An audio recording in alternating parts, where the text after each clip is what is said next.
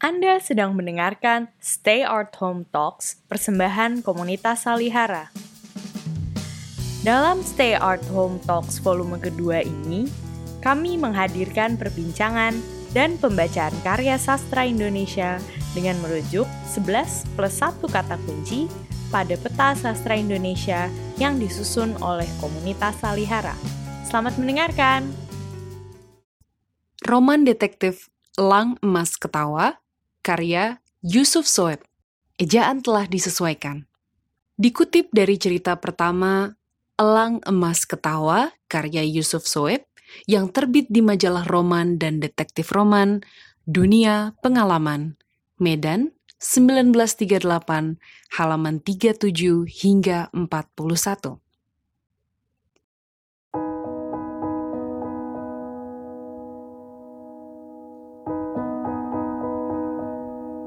Di Medan, Sofian terperanjak ke kursinya dengan lemah lunglai. Raport segala polisi yang disuruh menjaga simpang jalan itu semuanya mengecewakan kepala mata-mata itu.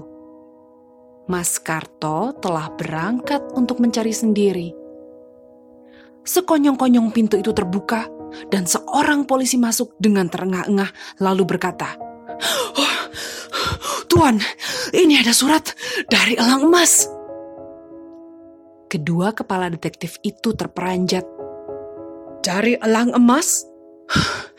ya, baru saja saya terima. Di mana kau dapat? Oh, di kantong baju saya, Tuan. Hei!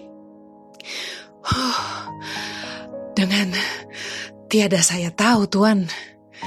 Segenap simpang jalan ke Belawan kami jaga. Tiada kami beri lalu, biar orang ataupun kendaraan dengan senang. Demikianlah perintah Tuan dari Belawan dengan telepon. Tetapi, helas, kami ditipu oleh seorang Tionghoa tukang dagang sayur. Aneh sekali ceritamu itu, kawan. Coba teruskan. Kami geledah iya dan ketika tak ada terdapat hal yang mencurigakan, ia kami lepaskan. Dan selang berapa lama kemudian, betapalah akan terkejutnya saya. Demi saya, merabah saku saya akan mengambil rokok, tangan saya terabahkan surat itu. Bacalah, Tuan. Kaumans membaca surat itu seperti di atas. Di baliknya tertulis lagi sebaris syair. Kian kemari cariman mencari, diburu dikejar segenap tempat. Hendak menangkap maksud di hati, heran si elang tidak terdapat. Elang emas. Muka Kaumans merah padam. Jadi, tanyanya. Kami semua lalu berpencaran mengejar. Tapi orang Tionghoa itu tak kelihatan lagi. Amat lama kami mencari berkeliaran kian kemari ke segala sudut dan pojok dan segala pekarangan rumah orang kami periksa. Tapi elang emas gaib sudah sebagai hantu dalam gelap. Setan dia agaknya turunan hantu dalam sekejap bisa hilang. Kaumans bersandar di kursinya kembali. Sudah, pergilah teruskan mencari kembali di mana mungkin kau rasa dapat. Polisi itu berangkat kembali. Lega perasaan polisi itu demi ia keluar dari kantor itu karena kealpaannya tidak dianggap suatu kesalahan. Tetapi di balik itu, ia pun merasa insaf bahwa bukan hanya dia saja yang telah diperdayakan elang emas. Bahkan, sep besarnya sendiri sudah dipermain-mainkannya sebagai boneka. Kedua kepala detektif itu berpandang-pandangan, nyata keduanya dalam berpikir keras Bagaimana pendapatmu, Sofyan? Masih gelap bagi saya akan mencari langkah baru. Ya, segala kesempatan kita telah dihancurkan dengan mudah saja. Heran saya memikirkan kecerdikannya. Betulkah agaknya dia pandai hilang? Pandai hilang? Tanya Sofian dengan tersenyum pahit.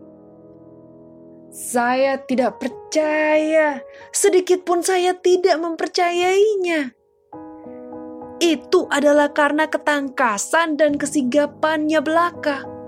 Homlock Steers dahulu juga menyangka bahwa Arsene Lupin pandai hilang. Tapi kemudian dia mengaku sendiri bahwa kesigapan dan ketangkasannya kurang dari penjahat besar itu.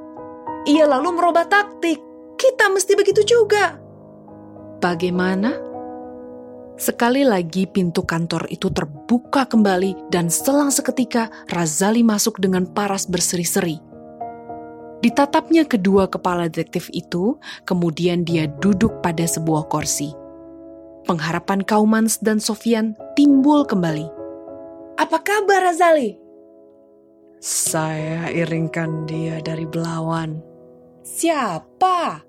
Siapa lagi kalau tidak si elang emas? Sungguh, elang emas yang kita lepaskan dari tangkapan di Pelawan itu karena gerak-geriknya mencurigakan saya, lalu saya iringkan setiap langkahnya. Ia naik sebuah taksi dan berangkat. Kendaraan itu saya iringkan dari belakang. Tetapi kemudian, entah karena insafnya bahwa dia saya iringkan ditentang hampir kelok penjagaan polisi, kendaraannya berhenti. Dia turun dan masuk ke sebuah pekarangan rumah. Kebetulan ketika itu ada pula masuk seorang Tionghoa pedagang sayur. Kendaraan yang ditumpanginya tadi berangkat kosong saja. Ada timbul kecurigaan saya bahwa sopir oto itu salah seorang kaki tangannya yang telah berada lebih dahulu di kota Medan ini. Ada buktinya engkau peroleh? Baik, saya teruskan cerita saya dahulu. Lama kemudian barulah orang Tionghoa itu keluar kembali. Tapi orang yang saya nanti-nanti tidak keluar-keluar lagi. Saya lalu memberanikan diri masuk ke dalam pekarangan rumah itu. Helas, rupanya rumah itu rumah kosong, rumah tinggal. Saya cari dia ke sana ke sini sampai ke belukar di belakang rumah itu. Lebih setengah jam habis waktu saya di sana dan sekonyong-konyong. Ya Allah, apa yang saya dapati? Apa? Tanya keduanya sekaligus.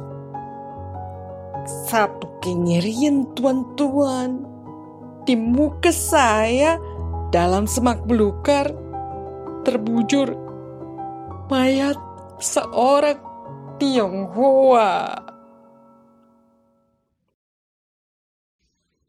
Pemirsa, kembali bersama saya Zen Haen dalam Stay at Home Talks Komunitas Salihara Volume 2, episode politik dan hiburan di luar Balai Pustaka.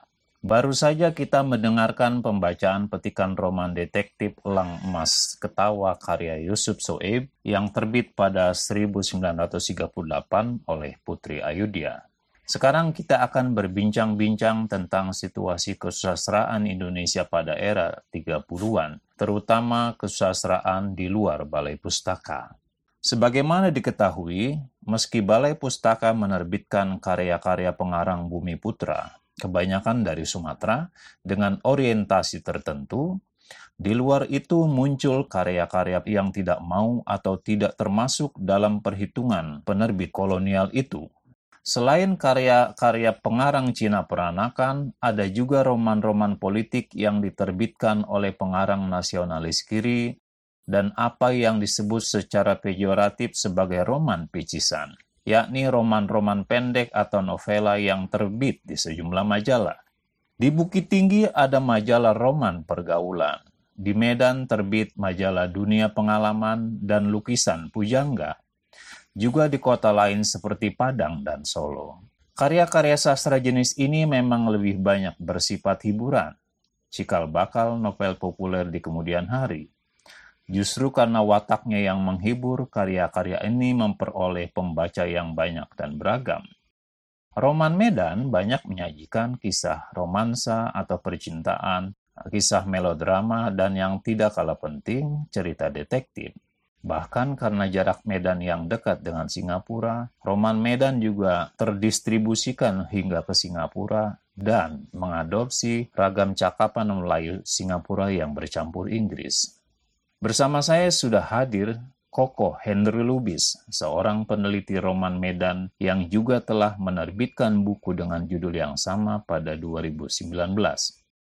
Koko pada 2017 menjadi penulis mukiman di Leiden, Belanda atas dukungan Komite Buku Nasional Kementerian Pendidikan dan Kebudayaan Republik Indonesia.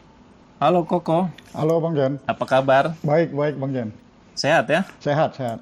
Oke, kok Aku mau mulai dengan pertanyaan pertama ya. Iya. Tadi aku sudah mengantar sedikit, mudah-mudahan cukup menjelaskan. Sebetulnya bagaimana sih posisi Roman Medan di tengah penerbitan buku-buku sastra atau politik penerbitan Balai Pustaka pada masa itu? Roman Medan hadir pada saat kebudayaan nasional masih kosong.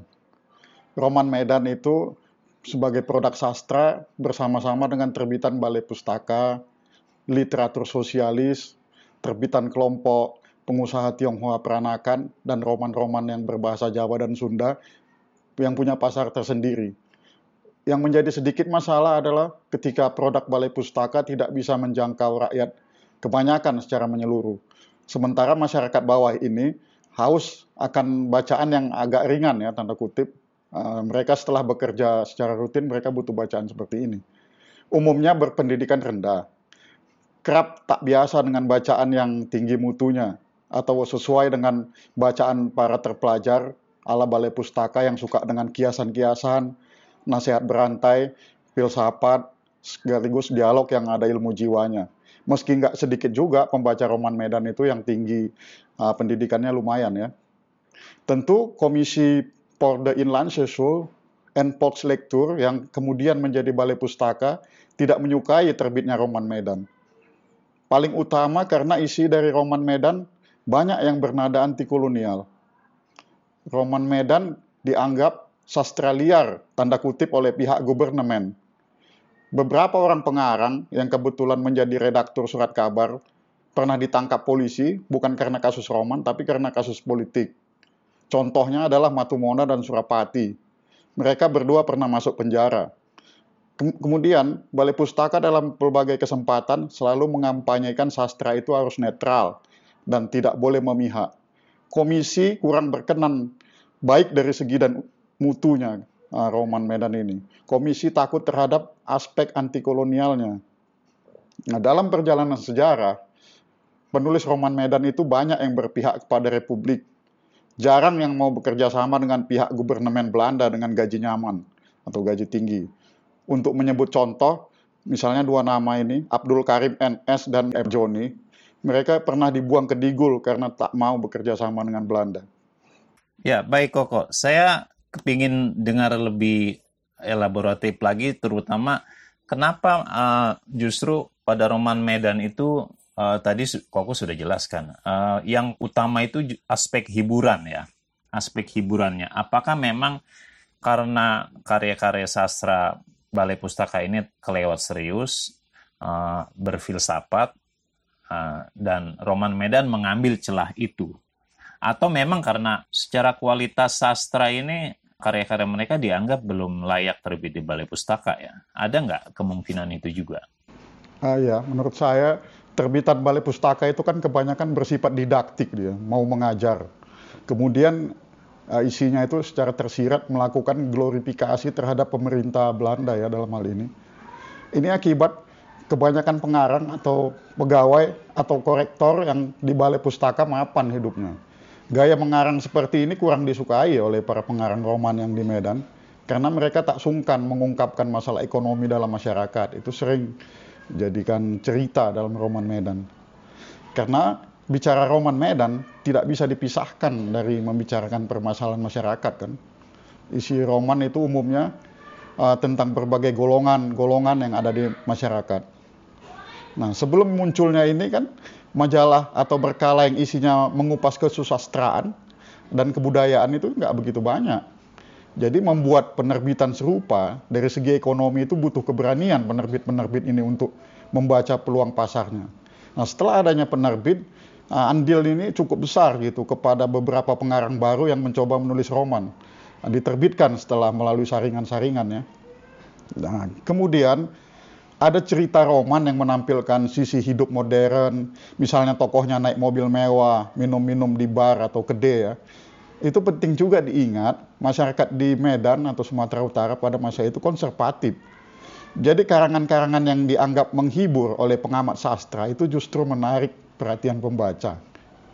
Nah, dalam perjalanannya, Balai Pustaka sering memperbaiki karya pengarang yang dianggap kurang baik bagi mereka ya, dengan cara revisi. Tujuannya untuk memperbaiki, mendidik pengarang yang bersangkutan kan juga Balai Pustaka tidak segan memperbaiki bahasa dan, dan jalan ceritanya karena mereka mau mengubah masyarakat melalui bacaan yang mereka tidak anggap baik mereka rubah. Kondisi ini tentu berimbas ke Medan. Orang di Medan waktu itu jarang melakukan kontak dengan Jakarta. Jadi kebanyakan pengarang di Medan menerbitkan karya sendiri dan punya pasar tersendiri untuk menjual karya mereka. Jadi bisa juga dianggap mereka kayaknya nggak butuh balai pustaka untuk menerbitkan karya. Nah, karena waktu itu balai pustaka kan satu-satunya sebagai pusat sastra pada masa kolonial. Ya, kok saya kepingin tahu uh, juga misalnya masa kejayaan roman Medan ini kapan dan siapa tokoh-tokohnya yang terpenting? Uh, terdapat dua periode uh, pada tahun 30-an dan setelah kemerdekaan ya, pasca kemerdekaan pada tahun 38 sampai 42 itu kan Yusuf Su'aib itu yang paling terkenal selain Matumona, Hamka, Surapati, Adam Huri, Emnas, dan lain-lain. Pada waktu sebelum merdeka, Roman Medan dicetak 5.000 eksemplar sekali cetak penerbitnya. Malah kalau misalnya karya Yusuf Su'eb bisa sampai 15.000 eksemplar sekali cetak dan itu berulang-ulang.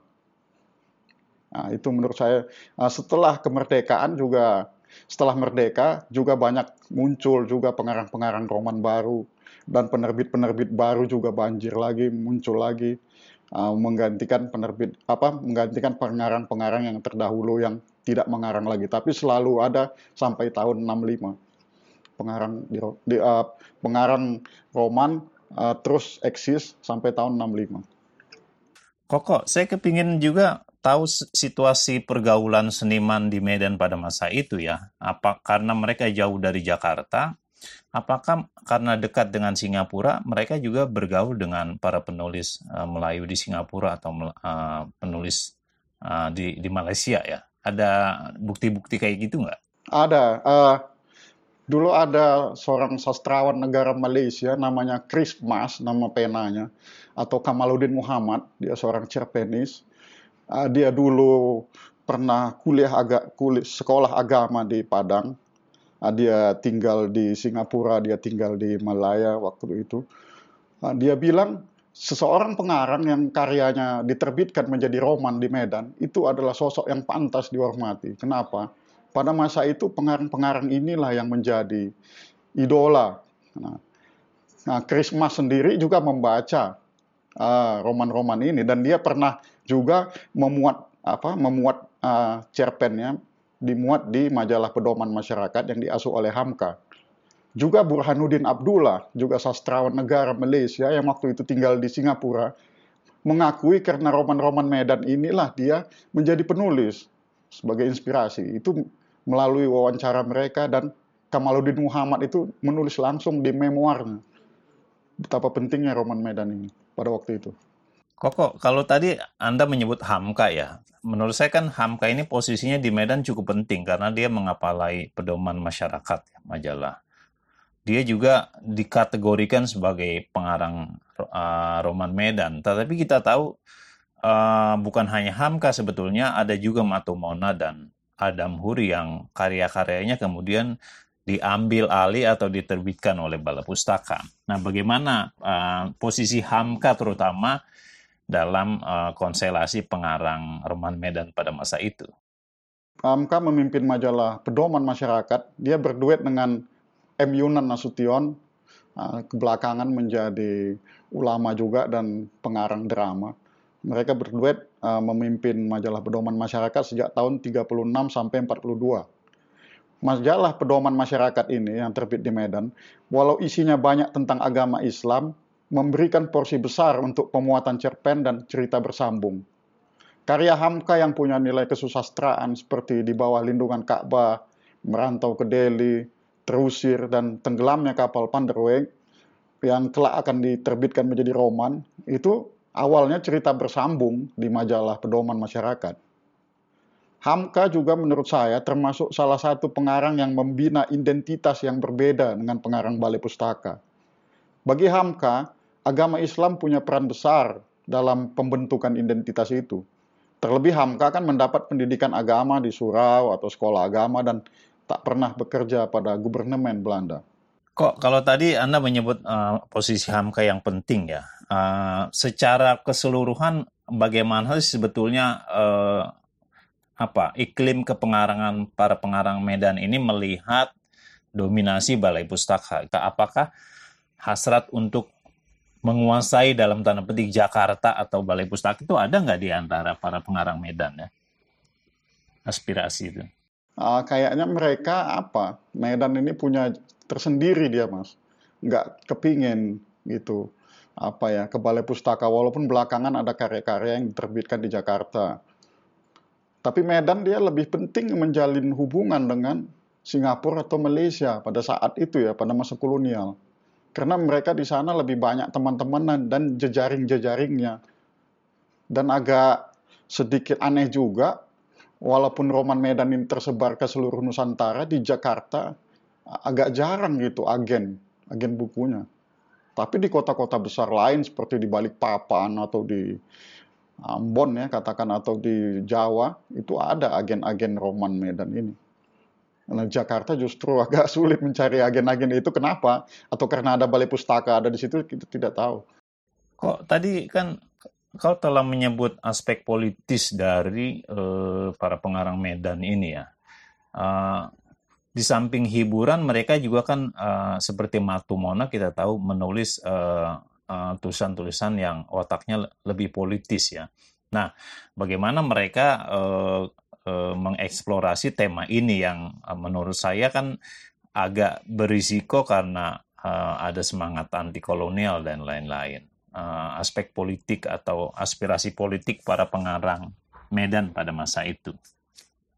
Iya, uh, Matumona jurnalis, uh, dia tidak terbatas hanya menulis roman, dia juga menulis buku biografi Wagerudop Supratman, Sisingamangaraja, juga Surapati menulis cara-cara berorganisasi yang baik karena dia termasuk orang partai PNI pada masa itu Marhaen. Ya, jadi mereka berusaha menghindar juga dari apa ya, uh, PID, incaran agen-agen yang akan menyeret mereka ke pengadilan. Tetapi anehnya belum pernah tersangkut kasus sastra ini dibawa ke pengadilan. Mereka uh, dipenjara karena kasus politik atau kasus penghinaan atau pencemaran nama baik dalam hal ini. Nah, kalau kemudian di kemudian hari kita mengenal novel populer atau novel hiburan dalam bahasa Indonesia, bagaimana Koko mengaitkan posisi Roman Medan ini dengan apa yang disebut uh, sebagai novel hiburan atau novel pop uh, pada masa yang lebih kemudian? Iya, eh, pasti ada sumbangan atau benang merah uh, Roman Medan dengan novel populer, walaupun saya tidak tahu apakah pengarang-pengarang novel pop juga membaca Roman Medan. Yang penting kan pembaca kadang-kadang ini nggak selalu orientasinya ke novel-novel uh, yang berat dalam tanda kutip. Mereka kadang-kadang kan membaca eskapisme dia, pelarian. Misalnya untuk menghabiskan waktu. Jadi kadang-kadang bacaan-bacaan yang ringan ini juga punya pasar tersendiri di samping bacaan yang sastra ya. Apa gitu. Pasti juga ada kaitannya uh, antara roman Medan dengan novel populer ya. Dari segi temanya kan misalnya percintaan misalnya romantis. Pada masa roman Medan ada yang seperti itu juga pada novel pop tema-tema itu juga tetap ada. Iya, menurut saya tadi kan kita sudah mendengar pembacaan uh, Lang Mas Ketawa ya, karya Yusuf Soeb dan dia punya pembaca fanatik. Bagaimana posisi Yusuf Soeb sendiri sebagai penulis cerita detektif dalam uh, konstelasi pengarang Medan? Yusuf Soeb uh, penting karena dulu kan pengarang di Medan pada masa kolonial itu terbagi tiga poros. Pengarang-pengarang ulama itu misalnya diwakili oleh Hamka dan Yusuf Soeb pengarang-pengarang guru diwakili oleh Adam Huri, dan pengarang jurnalis aktivis yang diwakili oleh Matumona dan Surapati. Nah mereka inilah dengan kehadiran mereka ini bisa menambah kekayaan dari karya roman ini ya, dengan pengalaman mereka masing-masing. Suaib jelas punya posisi penting sebagai pengarang. Uh, romannya yang terakhir sebelum Jepang masuk, Ngaung Sirene di Singapura itu tahun 42, itu setelah itu nggak ada lagi terbit roman, dia kena tangkap Ken Petai karena dianggap isinya subversif. Padahal itu dia mengarang itu katanya uh, berdasarkan berita-berita koran aja. Pihak Ken Petai bilang, wah kau kau tahu misalnya mau ada peristiwa ini. Nah, itulah kehebatan Sueb dia dari surat kabar aja bisa merangkai sebuah cerita. Dalam hal ini roman ya. Padahal itu nggak dialaminya. Nah, itulah pentingnya Sueb menurut saya. Koko, obrolan kita ini sebetulnya makin menarik ya, tapi sayang waktu buat kita tuh uh, tidak banyak ya. Karena itu uh, kami berterima kasih kepada Koko yang sudah berbagi cerita tentang Roman Medan. Saya kira kita bisa obrol-obrol di lain waktu ya.